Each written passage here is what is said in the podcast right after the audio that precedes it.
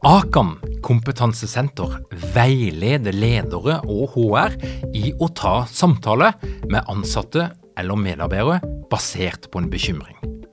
Akan setter ledere og medarbeidere i stand til å forebygge og håndtere en problematisk bruk av alkohol, narkotika, legemidler, spill eller doping blant ansatte.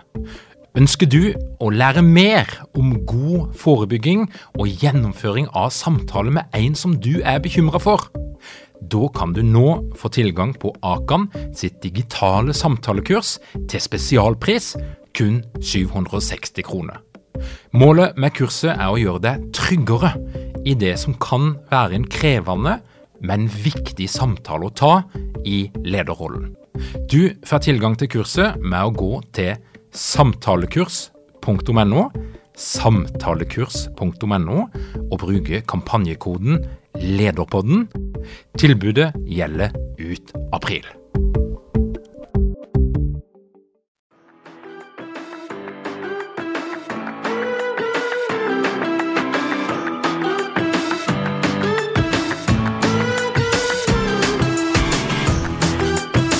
Velkommen til Lederpodden.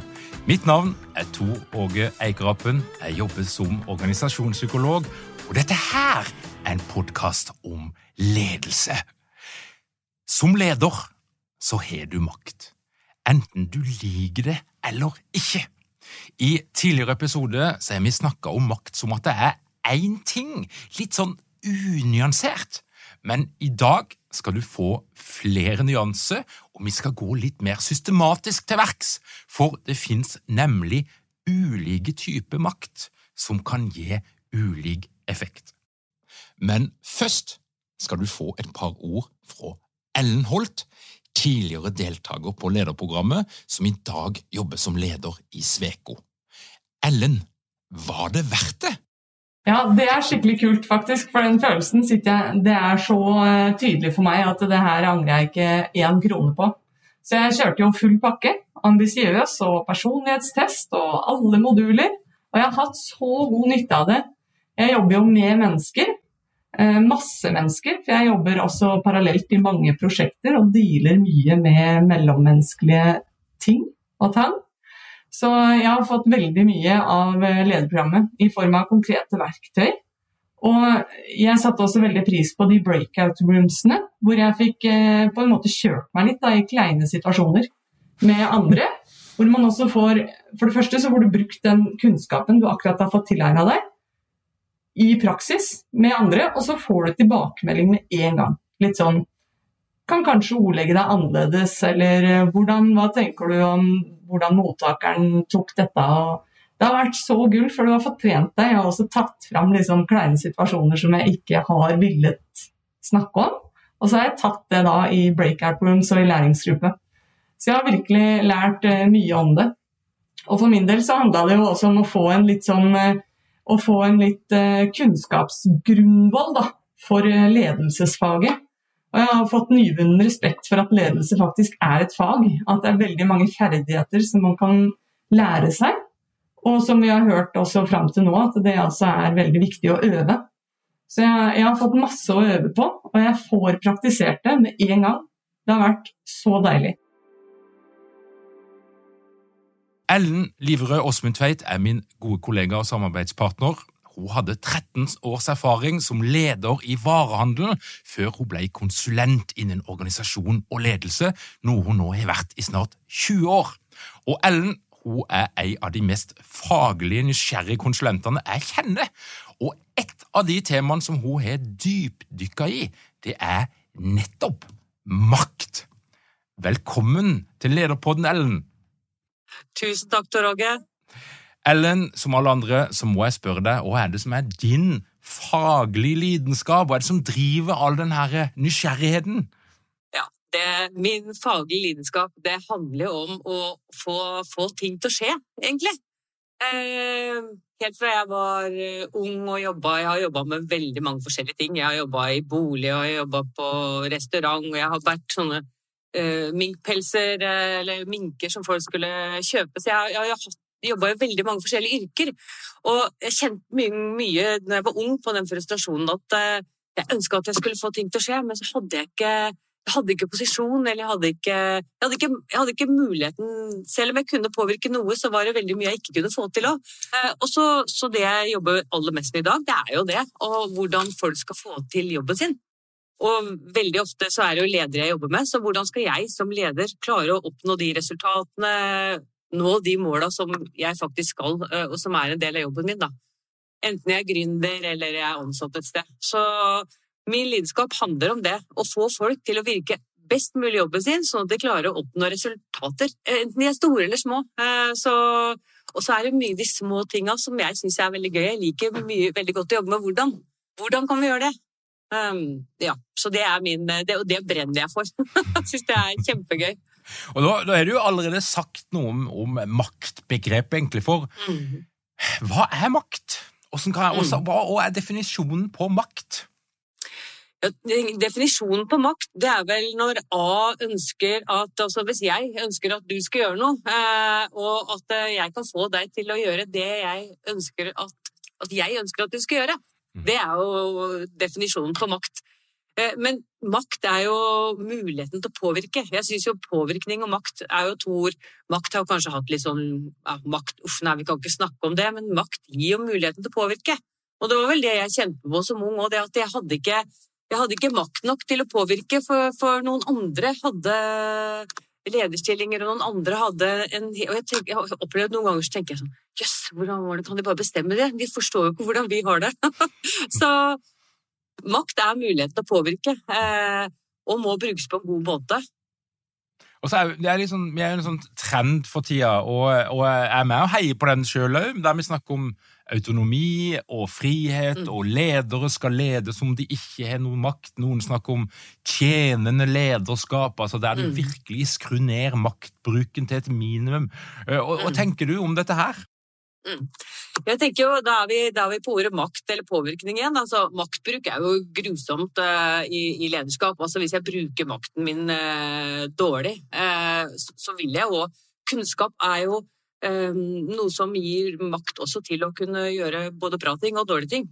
Så, så, kunnskap, så det å ha en sånn etisk linje i forhold til å vite hva som er greit nok, og hva jeg står for det er kjempeviktig, det her. For tjenende lederskap det handler jo om at uh, jeg skal tenke på hvordan jeg kan jobbe for at mine medarbeidere skal kunne utvikle seg og vokse. Uh, og da er jo makt innmari viktig. Vi ser jo etter pandemien og den hverdagen vi lever i nå, så er det jo mange som ikke Jeg hører folk sier Nei, men jeg, jeg, jeg vet ikke om jeg skal tilbake på kontoret jeg, noen gang. Uh, og du leder kanskje en avdeling på 20 stykker, 15, og så som leder så er det jo kjempeviktig da å, å kunne tenke sånn Ok, hvordan kan jeg som leder få enten det er Ronay eller det er Fredrik, til å virke best mulig. Eh, og da kan jeg bruke makten min som leder, og ikke fordi jeg er leder så skal jeg si at du skal gjøre sånn, men hvordan kan jeg påvirke sånn at Ronay kan klare å gjøre best mulig jobb? Hvordan kan jeg legge til rette? Hva trenger Ronay fra meg? Fra meg? Hva må jeg gjøre? Og det betyr at da må du jo snakke med folk. Eh, du kan ikke sitte og lede inne på kontoret med døra igjen. Eh, du må være på. Så, så det her med, ja, for meg så henger eh, Så er ikke det noen motsetning, egentlig. Du, du, du, jobber jo med mange unge ledere som er litt sånn i startgropa, der du, mm. der du coacher de, og du hjelper de, og du er en støttespiller. Mm. Um, hva, hva, hva, er det de sliter med da, når, når det gjelder det å få gjennomslag? Hva er ofte hinderet for å få tilgang på ja, en eller annen form for påvirkning? Mm. Nei, det, det, kan være, det, kan jo være, alt øh, Og der er jo bredden ekstremt stor. For når jeg, når, jeg jobber med folk, så er det jo over tid. Eh, og den ene og da, da, lager de jo utviklingsplaner som er å trene på ting gjennom, kanskje gjennom et år. Eh, det er jo ålreit å trene litt over tid. Mm. To måneder er for kort tid. Men men da, da, er jo det For, for eh, Fredrik kan det være én ting, og for eh, Petter skal det være noe helt annet. Så, men det handler om hvem er du som leder? Hvem er du er som person og, og leder, og hvordan skal du klare å lede ut ifra den du er? Hvorfor i all verden skal noen ha lyst til å bli ledet av deg? Det handler jo veldig mye om det, og det må de tenke gjennom. Hvorfor har jeg lyst til å være leder? Ja, nei, jeg det egentlig bare. Og det er kanskje ikke, kanskje ikke det er den beste tanke bak, eller det er det Kanskje ikke det blir så ekte, da.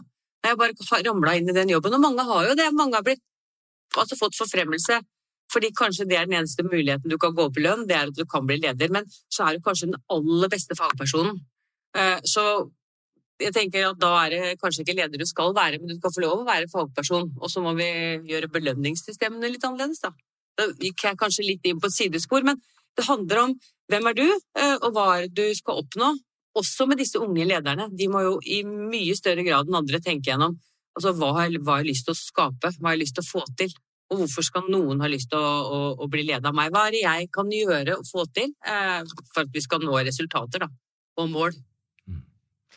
Og så, jeg merker Når vi snakker sammen, så, så, har jeg hatt et litt sånn unyansert språk for makt. så liksom Makt er makt. Og, og, men så har jeg merka at eh, når vi snakker sammen, så har det dukka opp stadig flere former for makt. Og nå har jo jeg skjønt Ellen, gjennom våre samtaler at nei, det er ikke bare én form for makt. Du kan ha ulike former for makt, og du kan være høy på én form for makt, og så kan du være lav på en annen form for makt. Mm. Fortell litt. Hva, hva slags system er dette her, og slags ulike former for makt er det vi må forholde oss til? Ja, vi kan, eh, vi kan jo altså det her, med, det her med legitim makt, da. Du kan ha legitim makt i form av rollen. Det kan, eh, det kan stå leder her. Det er litt det jeg opplevde som ung sjøl. Det er at eh, det sto leder hos en annen enn meg, og det betyr at da var det noen avgjørelser den lederen kunne ta som ikke jeg kunne ta, eller som ikke jeg hadde noen mulighet for. Men du kan også være leder, og så er det egentlig ingen som, ingen som Hvis ikke noen har lyst til å følge deg. Hvis ikke noen syns du er en god leder, så hjelper det ikke at du står leder her heller, for da er det kanskje noen andre som bestemmer. Eh, og det, det, kan vi komme litt tilbake til, da. Men dette med, dette med vi så på lange, flate baller tre her, og i forhold til, da så vi på Edgarasjen. da. Så det er jo litt det hvem er som egentlig bestemmer. Eh, det er jo ikke han nye lederen. det, er jo, det er jo gutta som bestemmer.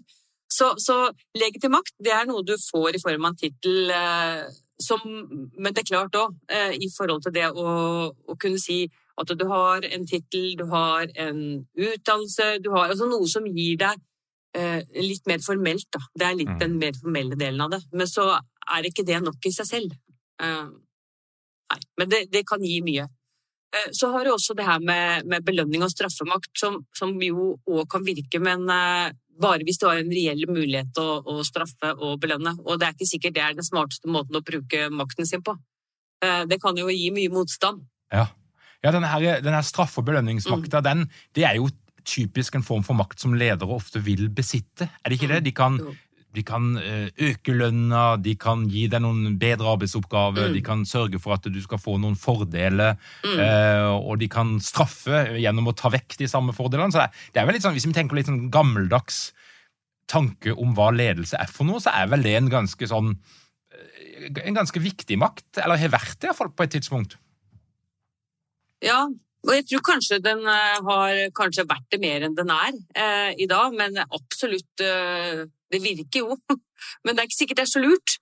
I hvert fall i forhold til å skulle Men det å skulle ta fra folk goder eller, eller noe de har òg, vil jo også kunne føre til stor motstand. Og hvis du skal belønne, så da kommer vi inn på motivasjonspsykologi, da. Eh, og, men også få belønning. Det er også det å få belønning for vel utført arbeid. Selv om ikke du vet om det. altså Det å kanskje belønne i etterkant. Det er mange måter du kan gjøre det på. Det, så det er klart det virker, men du må tenke nøye gjennom bruken av det, tenker jeg. Ja, jeg så Kjell Inge Røkke han ga 135 millioner til en, en medarbeider som hadde gjort et eksepsjonelt stykke ja. godt arbeid, og, men han ga det i, i etterkant. så jeg nettopp. Så Det er et eksempel på hvordan Kjell Inge Røkke bruker sin straffe- og belønningsmakt. Og da kan det hende det virka. godt mulig. ja, godt mulig. Men, men, du har jo også det her med det med ekspertmakt. da. Det å faktisk være ekspert på noe. Og da, da tenker jeg den derre Who can we call? Altså, hvem, når jeg tenker på Hvis jeg skulle hatt ut noen spøkelser, så hadde jeg selvfølgelig ringt Ghostbusters, for det er jo de som kan det. Men, men det, å, det å en, være en ekspert på noe Noen er ekspert på smalfelt, men uh, det tenker jeg den. altså, ja, hvem, hvem, vil jeg ringe, da? Det er jo de, og det er de som kan det. Være ekspert på et felt, da. Og det kan jo være en maktbase som er uh, ganske så stor. Og den kan du jo bruke hvis du er ekspert, men da må det jo være det. Da må jo folk også synes du er en ekspert. Mm. Ja, og så er det jo noen som blir eksperter på alt mulig. Eh, altså Det har jo vært en sånn folke, folkeopplysningens sak, ikke sant? der vi har en foredragsholder som vel Han er vel kanskje spesialist i markedsføring, eller et eller annet sånt, men så, så blir han brukt som ekspert på alt Ja. mulig, fordi at han er lett å ringe til og komme med, med uttalelse i hytt og Mm. pine. Mm. Men, men hvis vi skal koble inn mot ledelse, så, så er jo min opplevelse at i en del organisasjoner så er det jo en tanke om at hvis du skal få respekt som leder her, så må du være ekspert på det vi driver i. Ja. Og det er, dette her er jo en gammel diskusjon. altså Hvor mye må du kunne om en bransje og et fagområde for å kunne bli anerkjent som leder? Men, men vil du si at det, som leder da, er det, en, er det en fordel å ha en del av denne ekspertmakta? Hjelper det deg? Vil det hjelpe deg hvis du jobber i en rørleggerbransje og at du har vært den flinkeste til å legge rør i mange år? Er det, er det en fordel?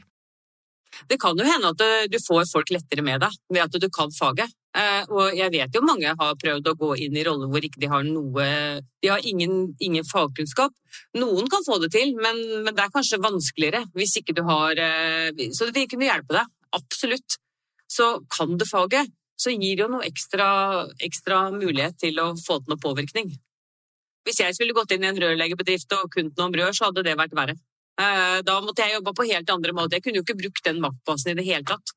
Og så, så hører jeg jo at eh, de her makt, altså det å, maktbase, da, det, det, det å ha legitim makt, altså du er lederen formelt, Mm. du har sånn sett i kraft av det noe straff- og belønningsmakt, men, men av og til så kan en jo tenke at, at eksperter kan få mer makt. Mm. Altså den flinkeste faglige i virksomheten kan ha mer makt enn det du har som leder, fordi at i den kulturen så er ekspertmakt mer anerkjent, kanskje. Mm, absolutt, og, og det er kanskje da, da, er liksom, da er det vanskeligere for deg eh, for ledere, som leder å få gjennomslag. Så, det er, så, men dette vil jo være veldig forskjell på kulturene. Og vi har jo sykehus har jo også altså Når det gjelder fagdisipliner, så er det jo veldig stor eh, Det er kjempeforskjell. Eh, Men det, også, det er jo det som er viktig som leder, det er jo å vite noe om disse maktpostene. Eh, Så som leder så trenger du kunnskap om det her, for å, å kunne forstå, eh, og ikke bare tenke at det, det kan jeg helt sikkert noe om det òg. Eller jo mindre du veit, jo mer skråsikker blir du. Eh, Så det som leder å være nysgjerrig på eh, hvordan kan jeg klare å oppnå eh, ting, da? hvordan skal jeg få til ting? Så det kan være viktigere i en, eh, en bedrift hvor eh, hvis du som leder ikke, ikke tar så stor plass, da, og, og dette er en organisasjon hvor faktisk eh, de er vant til at du som leder skal være mer tydelig, og her skal vi være sånn, så, så må du kanskje trene på det. For det er, da er det hvordan du sitter i møter, eller skal du stå, hvordan, hvordan gjennomfører du møtene dine, eh, da blir det kanskje enda viktigere. Mm. Mm. Og så tenker vi inn i en endringsprosess som, som jeg tykker er veldig spennende. Der, Ja. der vil det jo være en fordel da, hvis du som leder ikke har selv ekspertmakt, så bør du i hvert fall kanskje alliere deg, eller, eller være ekstra lyttende til de som da har den ekspertmakta. Ja. Både lyttende og ikke minst ydmyk i forhold til at andre øh, Og, og være ydmyk for at øh, dette, denne, dette her kan ikke jeg, dette er det dere som kan. Så, så, så jeg kan det, men er dere som kan faget. Så jeg er veldig enig med deg. Men en viktig maktbase, men det som jeg syns er veldig spennende nå om dagen, det er jo denne, altså det her med referentmakt. da. Det, det å som eh, jo nå vi ser er så utrolig kraftig. Sofie Elise for eksempel fikk eh, altså Freia til å ta palmeoljen ut av påskeegga. Um, for hun, hun, eh, hun blogger, hun mange, det er mange som hører på henne. altså Mange, mange snakker om det. da. Eh, og, referentmakt, det, det er jo liksom det Hva er det de sier om det, da? Så som leder så er det utrolig viktig å vite. Hva er, hva er mitt omdømme? Hva, hva sier de om meg? Um, har du, snakker de godt om deg, eller, eller, eh, eller gjør ikke det? Og det er klart, har du høy referentmakt, så, så blir du, blir du snakka godt om. Eh, Så er det jo også lettere for deg å få ting til å skje. Eh, Det er, et, det er et godt eksempel. da. Nå, nå, det, tror jeg, Sofie Elise snak- har vi ikke snakka så mye om her i Lederpodden før, men det, det er jammen meg på tida. men, men, men altså, sant? Hun, hun har ingen um, Hun er ikke noe spesielt legitim makt i, i kraft av sin stilling. Nei. Sannsynligvis lite belønning og, og straffemakt sånn i et større perspektiv. Um, og heller, er heller ikke ekspert på noe som helst, så vidt jeg vet. da. Nei, nei. Men, men, men allikevel en vanvittig stor makt gjennom sin referentmakt, og hun kan få folk til å gjøre Ja. ting som de ellers ikke hadde gjort. Kjøpe produkter de ellers ikke hadde kjøpt, eller slutte å kjøpe produkter de kanskje ellers hadde kjøpt. Altså, det, er, det, er et, det er et godt eksempel. Ja, og i forhold til, i forhold til fotball, altså hvis du ser på idrett, da. Altså idrett, så Der ser vi det jo veldig. Altså Har du vært god i idrett, så, så har du vært en god fotballspiller sjøl, så blir du kjempegod. Altså Da har du med deg noe omdømme når du kommer inn i trenerrollen, som, så er jo den eh, veldig annerledes enn mange andre lederroller. du åker vel fortere ut der enn i vanlig lederrolle. Men det er klart, det at, det at folk har, eh, har, du har et godt omdømme, at folk snakker godt om deg, det er kjempeviktig og er en viktig maktbase. Men det betyr jo at du må også være som leder ganske lyttende. For det er jo ikke nok å tenke at du kan jo tro veldig mye i, i lederrollen din, men du må lytte til folk, du må snakke med dem, du må finne ut hvordan det er. Eh, du må få tilbakemeldinger. Så referentmakt er spennende, også fordi at det har jo endra seg så etter at vi fikk sosiale medier. Så har jo Ja. Det er jo, plutselig så skjer det ting som ikke du tenkte, og du kan påvirke på en helt annen måte, da. Og Det er jo litt sånn, det er litt sånn tvega sverd òg. For, for tenker, hvis, hvis, vi skal tenke på ledere, da, så er det jo noen ledere som får utrolig mye oppmerksomhet, mm. uh, og er flinke til det. Altså jeg tenker mm. Petter Stordalen, din, din, eh, ditt by, by, byspann nå i, eh, i, Sandefjord, Anita Krohn Traaseth, altså, ja, ja. eh, eh, som skaper utrolig mye oppmerksomhet rundt seg sjøl. Mm. Litt sånn mm. uavhengig av hva de gjør. Altså, Petter Stordalen og jeg så han nettopp nå i en stor koronadokumentar der han spiller hovedrollen, og du er med inn i familiemiddagen. Og så, tenk, og så er det noen andre ledere mm. som mottar, mottar sin høye lønn og, og skaper resultatet, men det er veldig få i Norge som kjenner navnet navnet på de, og det funker jo fint, det òg. Ja. Så, så, er, så sånn spørsmål Når er det du trenger referentmakt, eller hvem er det som trenger det? Eller, mm. altså, noen, noen, klarer seg fint uten, og så er det noen som skaper fantastiske ting, sannsynligvis med drahjelp fra den referentmakta. Men hva, mm. er det noe alle bør strebe etter? Jeg tenker at hvis du, hvis, du, hvis du, har noe spesielt du ønsker å Nå har du jo gitt to, to gode eksempler på folk som, som, bruker referentmakt mye, eller har kanskje det som en sterk maktbase. da. Så er det klart at uh, hvis, du å, hvis du ønsker å få ting til å skje, da, ønsker å snakke om ledelse, ønsker å løfte opp, gi gode råd, så, så er jo, da er det jo absolutt uh, Så det betyr for mange hører på deg. Uh, mange vil lytte når du prater eller når du skriver. så hvis det er noe du, Men da er igjen tilbake til hva jeg ønsker å oppnå. Hva har du lyst til? Og, hva har du lyst til? Og, og noe for noen, de, de vil heller lede uten, uten, at nødvendigvis det er så viktig. Men det kan jo godt hende at de har stor referentmakt internt i bedriften. At folk snakker veldig godt om det. Men kanskje ikke utover det. Og det er jo en verden vi lever i, både du og jeg og mange andre. Hvor, hvor synlig skal vi være? Um, og, så velger, og så, så velger man forskjellige ting, da. Og tenk på det der, det der, med å lede folk, lede folk som har stor referentmakt. Altså der, da snakker vi litt sånn, Det er jo noe, jeg skrev en bok om, om primadonna-ledelse. Ja. Eh, altså, Vi kan tenke oss å jobbe i media, jobbe i, eh, på teater, eh, der mm. det er mennesker som har stor referentmakt, men der det er du som mm. leder som sitter med den legitime makta og straffe- og belønningsmakt. Men, mm. men, det er jo en egen eh, sjanger, da, der dette her kommer til syne. Altså at, de her, at det å lede mennesker med stor referentmakt mm. kan være en litt krevende øvelse. Ja, det, det, kan godt hende, fordi at eh, de andre vil jo kanskje høre altså Folk vil kanskje høre mer på dem enn på deg. Så hvis du blir for usynlig eh, som leder, så er jo det jo ganske skummelt. Mange, jeg har jo opplevd ledere i mange år som har valgt De velger å, å skyve fram andre, da, for at de syns det, altså, det er ikke så behagelig for deg sjøl å stå i lyset. Men så kan det hende noen ganger at som leder så må du tenke at eh, ok, eh, er, har vel en konsekvens det òg. Men altså dette med primadonna-ledelse, sier, Tor da, eller når noen blir eh, mer kjent enn deg, eller eh, de hører på, så kan det, jo, det kan jo i forhold til det her med altså formell og uformell makt, da kan vi gå litt inn den døra der. fordi det er klart at mange steder, så selv om du som leder har formell makt, så er det kanskje andre som eh, er lederen. Altså som er Har dere mange ledere uten trening eller utdannelse innen ledelse? Mangler dere en felles kultur og praksis for ledelse? Ønsker dere å være bedre rusta for fremtidig vekst og endring? Da kan et internt lederutviklingsprogram være en god investering. I Execu så er vi eksperter på å designe og gjennomføre bedriftsinterne lederutviklingsprogram. Hvis du ønsker å lære mer om hvordan vi kan hjelpe dykken til å få enda bedre ledere, ta og klikk deg inn på execu.no.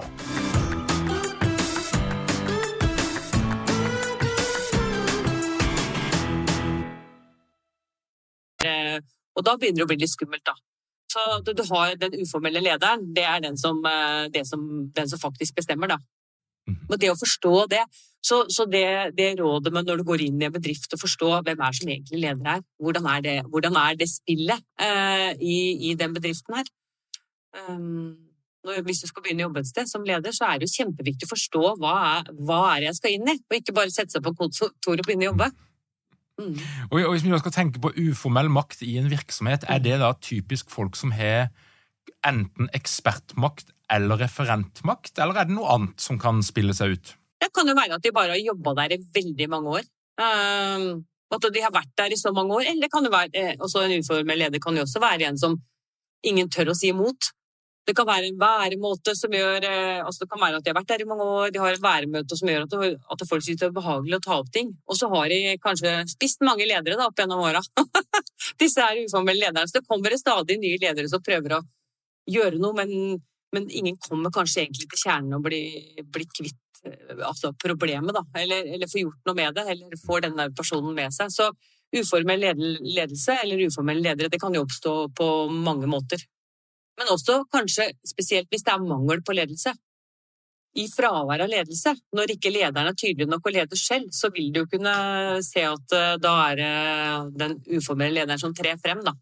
Eller ligger i kulissen. Ja, ja, ja, og, det, og det er jo av og, til, av og til så er det jo et gode ikke sant? å ta fram noen talenter som ellers ikke får vist seg fram. Ja. Så det kan være en god ting, og av og til så er det jo Ja. en form for anarki og noen som virkelig misbruker den muligheten. Kanskje helt, ikke alltid at de skjønner hva, det, hva som skjer, men jeg har jo òg sett eksempler på det. Ja, jeg tror ofte, det, ofte så tror jeg også det kan være ubevisst. Ja. Eh, ja. Men, men de, har, de har en stor følgerskare, da, men også fordi at det, det kanskje koster for mye å eh, stå opp mot denne uformelle lederen. Sånn at folk da heller følger Altså, de orker ikke å gå inn De orker ikke å ta det opp. Altså, det er for mye støy knytta til det. Så, men absolutt, det å bli kjent med hvordan er det, hvordan er det er i den her hvor jeg skal jobbe. Så uformell makt, men det kan så det, Men vær på vakt, tenker jeg. Det er viktig. Følg med, men snakk med folk. Det er jo det det er. Som leder så må du snakke med folka dine. Og så tenker jeg at den der, eh, den der eh, straffemakta og belønningsmakta, det Mm. kan jo òg en uformell eh, leder eller en pers... Altså, jeg, tenker jo at det er noen som skaper ganske mye ubehag, som, som du sa. Altså at det er, så, det er så Mm. ubehagelig å stå imot den personen, eller du vet at det blir noen sosiale konsekvenser hvis du ikke følger vedkommende. Ja, ja. Selv om det er total, altså, langt ut forbi det vi kaller for legitim makt, men, men, men du kan Mm. altså gi straff og belønning på mange utspekulerte psykologiske måter Og uten å ha en lederposisjon. ja, dessverre. Også absolutt. Altså, du blir aldri bedt. For det, altså, det kan jo være en greie. Du blir aldri bedt. De andre har Det skjer ting, du er ikke med. Eh, du, du På spiserommet så Eller det skjer det er, Så det er jo det her med Så tror jeg òg det, for i forhold til det her med konflikter, da, så er det jo det at eh, folk syns det er ubehagelig. eh, Og istedenfor å gå i en konflikt, så, så trekker de seg unna, da. Eh, Og så er det jo sånn at når du har blitt en del av det spillet òg, da Hvis du har en uformell leder som er sterk, og så har du som medarbeider blitt en del av det her spillet, så er det også veldig vanskelig å skulle innrømme at du har gjort det. Eller at du har gjort dumme ting, sagt dumme ting. Du må begynne å svelge kameler. Så, så ja, det er Men det her er både spennende og ganske skremmende, da, for det er klart, har du uformelle ledere som får for stor makt, så, så vil ikke du kunne klare som leder å oppnå det du skal oppnå. Da. Dere, dere når kanskje ikke målet deres. Dere, for det kan jo være at den uformelle lederen ønsker noe helt annet enn deg.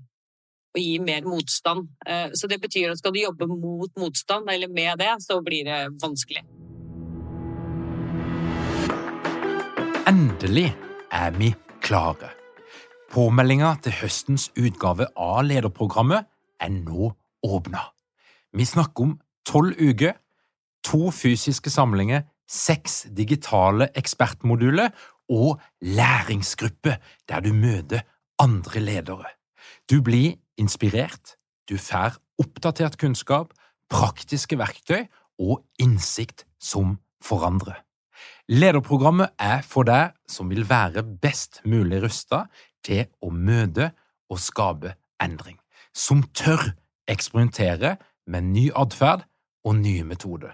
Du kan melde deg på i dag på lederprogrammet.no.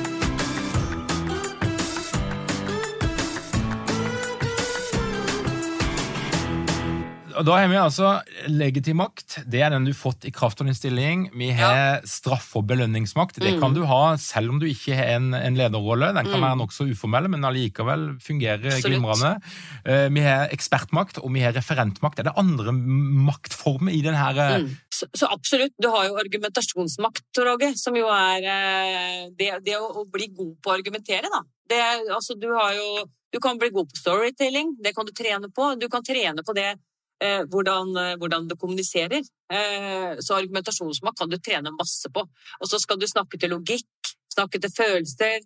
Skal du snakke til, til altså, Oppleves det ekte, det du sier? Eh, henger kroppsspråket de samme orda dine? Så argumentasjonsmakt er en maktbase som eh, absolutt er stor.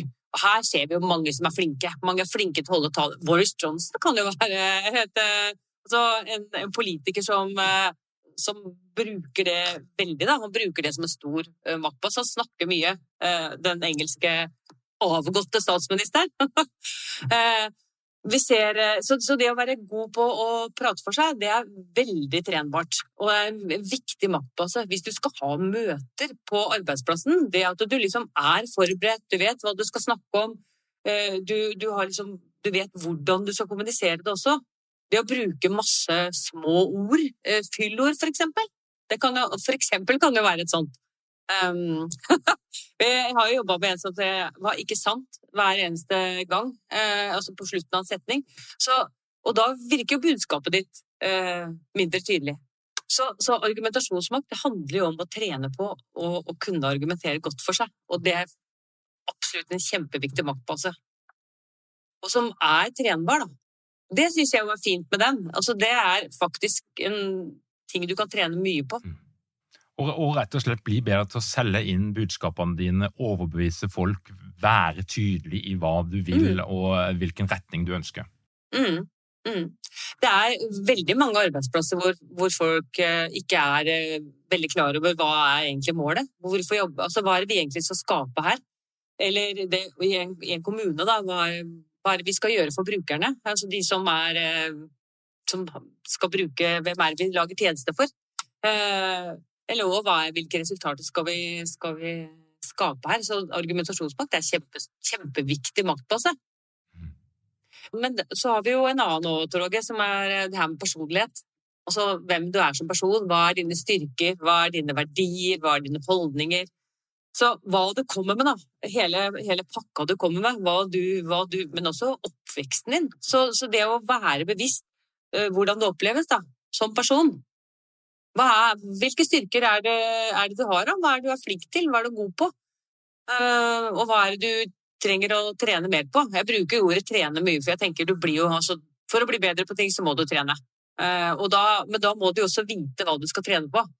Og i forhold til personlighet så er det jo noe som ikke er så lett å gjøre noe med. Som kanskje hvis du har hvis du er en person som er eh, veldig ekstrovert og prater veldig mye, så kan det være eh, Da må du trene kanskje enda mer på å holde deg tilbake, da. Og hvis du helst ikke vil si så mye, så må du faktisk trene på det og, og, og tre frem. Men nå det bryr jeg meg egentlig mest om folk, eller bryr jeg meg mer om, om, om tinga her? Så hvis du er en leder som så du tenker eh, at du skal få folk til å, å, å virke og gå, så må du jo være bevisst på hvordan, hvordan er jeg som person, hvordan oppfattes jeg? Så er vi jo igjen litt tilbake til det. Snakk med folk, eh, lytt til de, eh, finn ut. Men også igjen, eh, finn ut hvem du er. Du må vite hvem du sjøl er som leder. Jeg tenker det er kjempeviktig. Vit hvem du er, hva det står for. Og der er vi, der er vi på den der eh, egenskapen som gjør at noen kan få stillinger som du, du skjønner ikke helt hvordan de kom inn i den jobben, men etter hvert så skjønner du at Ja. av og til så er det noen som rett og slett klarer å få til ting fordi de er ei likende dame eller en likende mann, Mm. eller at det er bare Mm. noe med måten de Mm. er på som gjør at du fort får tillit til dem, Mm. selv om de egentlig kanskje ikke har den formelle bakgrunnen eller ekspertmakta som skal til, Mm. men, men at den der personlige dimensjonen kan av og til spille ut de andre maktbasene, eller få de til å bli mindre viktige. Ja, for, for altså det, folk har lyst til å jobbe sammen med deg. Folk har lyst til å jobbe for det. Eh, og det kan jo være mange, mange egenskaper som gjør det. Men noen har jo lettere for det enn andre. Så andre må jo kanskje trene mer på det. da. Hvordan skal jeg kunne klare å få med folk når ikke det kanskje er så naturlig for meg? Mm. Så absolutt. Men dette med personlighet er jo kjempespennende. Ja, det er det, og, og, og der er det jo noen, er det, er det noen som da liksom som har et så dårlig utgangspunkt at det er nesten null i makt på personlighet. De må bare spille på alle de andre tingene her. Mange er jo, det er jo vanskeligere for noen enn for andre. Altså, det, er, jeg vil si, det er helt umulig å si at noen har null i makt på personlighet. det tenker jeg ingen har. Men, men i forhold til det å få med, seg, få med seg andre, så er det jo noen som må jobbe enda mer. Eh, for å få med seg For det er jo det du må. Skal du, lede, skal du være leder, så, så handler det om å få med seg folk. Mm. Så for andre det er, det er mer å trene på for noen enn det er for andre. Mm. Vi har forskjellige ting å trene på. Jeg tenker det er så greit. For meg så er det, vi, er, det er, vi har veldig forskjellige ting vi skal trene på. Hvor mye makt eh, trenger ledere på de her eh, ulike kategoriene makt. Ja, heldigvis så er jo ikke jeg noe økonom, eller, eh, så jeg tror ikke det finnes noe tall på det her. men jeg, jeg tenker det handler om Men det kan det godt hende det gjør, Tor Åge. Også disse maktpassene som vi har snakket om nå, det er jo en til eh, som heter situasjon og priming, som jeg synes er ganske spennende, og som jeg vet du har jo hatt oppe i, for, i podden i forhold til det, og ja, kan vi egentlig si at priming virker? Og hva er egentlig det? Men det handler vel om å legge til rette, da. Situasjonen. Eh, og her kan du også gjøre mye. Eh, hvis, du ønsker å, hvis du ønsker at møtene skal bli bra, så kan du jo gjøre møtesituasjonen eh, til en bedre eh, situasjon. Hvis det er et digitalt møte, så kan du tenke gjennom på forhånd skal vi ha, skal vi ha to som sitter i, på en skjerm ned i hjørnet eh, fordi at de, de sitter på ett sted, og så skal alle andre sitte på hver sin skjerm, eller skal vi alle sitte på hver vår skjerm? Eller når vi er sammen, hvordan skal vi gjøre det? Så når det gjelder det med situasjon, så kan de gjøre veldig mye. Dette er jo ikke ledelse, men dette jeg vet mange gjør det. De kommer hjem fra jobben, og så har de tenkt å gå på trening. Så da tar de på seg treningstøy når de kommer hjem, for da er det større sjanse for at de får gjort, gjennomført treninga. Det er mer skamfullt å legge seg med tightsen på. så da, da vet du at du så, det, og, og, så for meg så er jo det Det handler om å legge til rette. Eh, men hvis du også, når du skal gjennomføre noe, at du kan Eller hvis du har gjennomført noe som ikke gikk så bra, så kan du i etterkant så kan du gå gjennom ok, hva var det egentlig som skjedde. Så kan du jo prøve å spille den situasjonen eh, igjen til sånn du ville gjort det, eh, når det når du vil det skal virke. Og dette er jo Så det å jobbe med det, det virker jo absolutt. Hva kunne jeg sagt, hva kunne jeg gjort? Men også, jeg hører jo han eh, Hva heter det for noe? Eh, Er det Jansrud som uh, står slalåm? Eller utfor, kanskje? Han kan jo Kvitfjelløypa utenat inni Altså, han, han, han vet jo alt hva han skal gjøre i den løypa. Og det er jo litt det. Han kan det så godt at han kan gjøre det med øynene igjen. Han vet det er liksom nesten sånn på fem centimeter. Så det er fantastisk imponerende, da. Men det er jo det, å være så forberedt. Nei, så jeg tenker det, Situasjon og priming, da. Det er jo altså i forhold, til, i forhold til forskning Jeg vet ikke hva vi gjør med Hvor har vi henta disse maktbasene på? Det tenkte jeg litt på. Eh, disse maktbasene her er jo henta fra Linda Lai på BI, så vi har referanser. De kan vi jo legge ved, Tor Åge. Ja, Men akkurat det med situasjon og priming, jeg syns det er ganske spennende. eh, Det å, å legge til rette for, da. eh, At eh, vi skal ta valg. Så da er vi jo nesten Det er jo det det For meg så handler det mye om det, da. Å legge til rette for at vi velger de rette tinga. Så som eh, det jeg skal sitte og jobbe, da, så er jo det en måte å jobbe med situasjonen på. Det er jo faktisk å legge bort telefonen. Slå opp. Hvis jeg skal sitte og gjøre noe aleine, så slå på flymodus så jeg ikke blir forstyrra. Det er jo en måte å legge til rette situasjonen på, sånn at jeg kan få jobbe uforstyrra. Så der snakker du egentlig om litt, sånn, litt selvdisiplin, litt selvledelse, altså ta litt kontroll på situasjonen Mm. eh, som leder eller som menneske. Ja, det kan, det kan du gjøre, og så kan du få hjelp av andre til å gjøre det. Men ja, fordi at du kan tilrettelegge situasjonen. Så du sier ta kontroll på det, da, ved å tilrettelegge. Eh, både i forkant og i etterkant, egentlig. Mm. Fordi at det, det handler om å hente læring. Du har jo ikke lært noe før du har reflektert, så forhåpentligvis det å bruke mye tid på, eller bruke tid på, og jeg tenker ganske mye tid på, eh, når du har vært igjennom noe, hvordan gikk det her? Eh, hva gikk bra, hva gikk ikke så bra? Så kan du trene på at det skal gå bedre neste gang. Mm. Så, mm, men det handler igjen da, om, om hva du ønsker å oppnå. Så jeg syns jo det er en maktbase som er ganske spennende.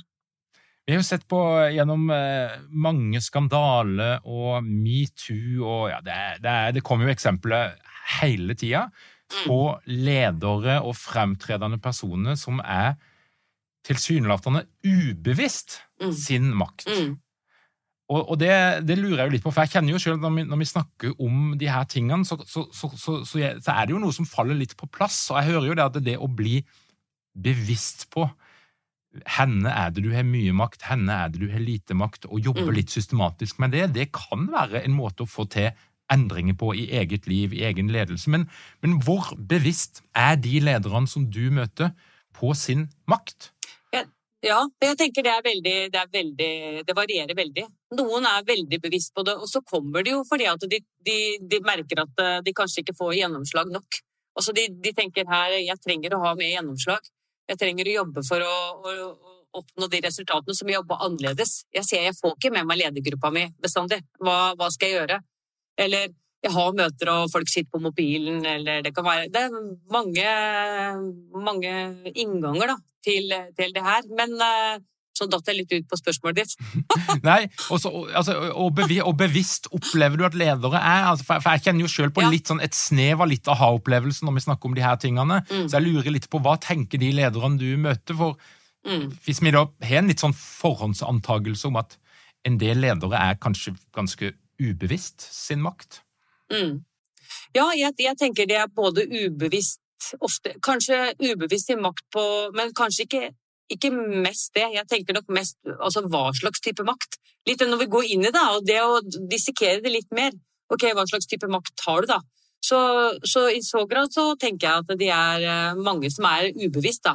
Og når vi gjør den, det som vi har snakka om nå, kan vi ofte gjøre som en øvelse. Vi snakker gjennom de her maktbasene og tenker hvilke, hvilke bruker du mye, hvilke bruker du ikke noe særlig grad? Kan du gjøre noe for å prøve å øke det her? Er det noe du trenger å minske, kanskje? Er det noe Tar du all plassen, så kanskje du må tre litt tilbake? Ja, jeg skjønner du er god på argumentasjonsmakt, det kan jeg høre, men, men trenger du kanskje å la andre få lov å ta denne plassen? Så, så det å kjenne på den balansen er jo det som er eh, gøy da, når vi jobber med utvikling av ledere. Det er jo å finne den eh, Men mange er nok ubevisst. I, I hvert fall i, i hvilken grad de kan jobbe såpass konkret med det. da. Og da er vi tilbake til hvordan. Eh, det der med hvordan, hvordan, kan jeg, eller, hvordan kan jeg jobbe for å få til det jeg skal få til? Og så blir det Og så, så se på, på dette her, da. Men da må du også få en del tilbakemeldinger, da. Du må ha tilbakemeldinger fra Du trenger tilbakemeldinger fra andre eh, for også å finne ut hvordan det oppleves. Men det høres ut som eh, hvis du som leder kun har legitim makt og kun har straffe- og belønningsmakt, så, så har du et problem. Altså, du, Ja. du, du, da- blir du stående og skrike 'Det er meg som er sjefen her!'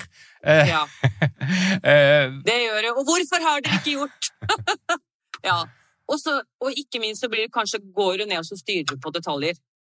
Fordi du får ikke, kanskje ikke folk med deg, og så blir du til at du kanskje går ned og så styrer på detaljer og på ting som ikke du egentlig Som egentlig du har flinke medarbeidere som er fullt kapable til å, å utføre sjøl, da.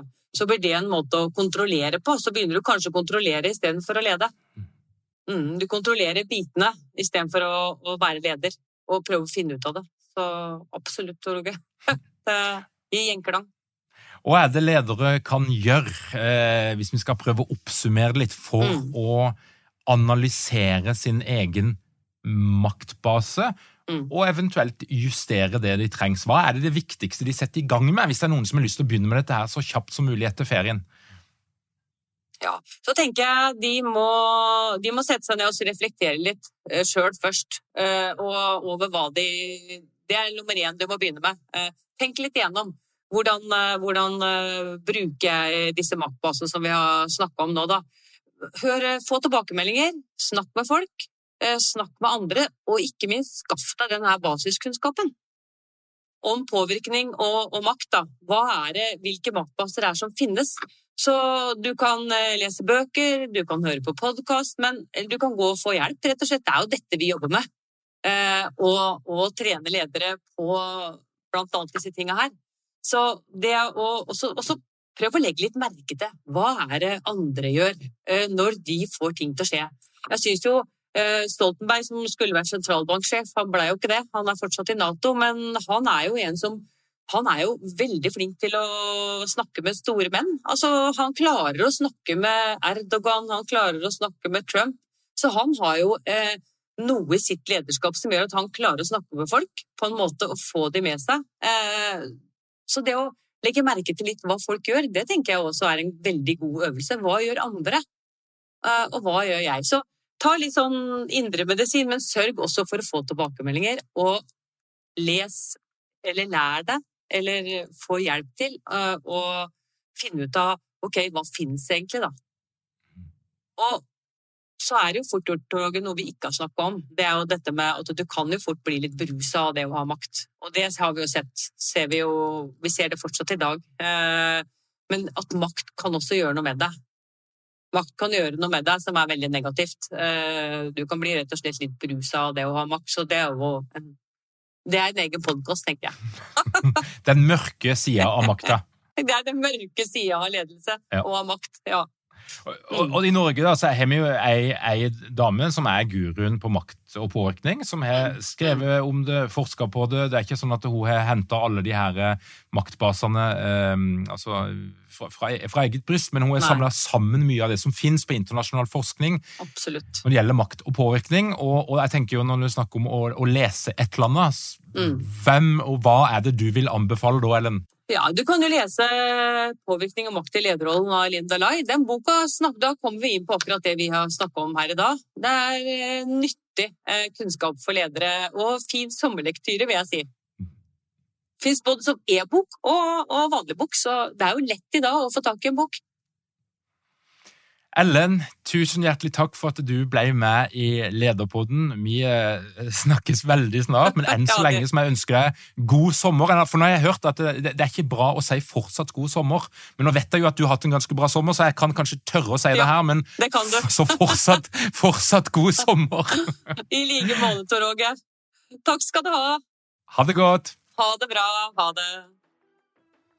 Og til deg som hører på, Takk for at du hører på Lederpodden òg i sommer. Hvis du er nysgjerrig på alt vi holder på med, kom deg inn på lederpodden.no. Legg igjen din e-post, og så fort ferien er over, sånn i begynnelsen av august, ja, så kommer vårt ukentlige nyhetsbrev rett inn i din innboks. Lederpodden.no. Og det er fremdeles plass igjen for deg som er nysgjerrig på høstens utgave av lederprogrammet. Mer om det på lederprogrammet lederpodden.no. Takk for at du hører på Lederpodden. Vi høres igjen om ei uke.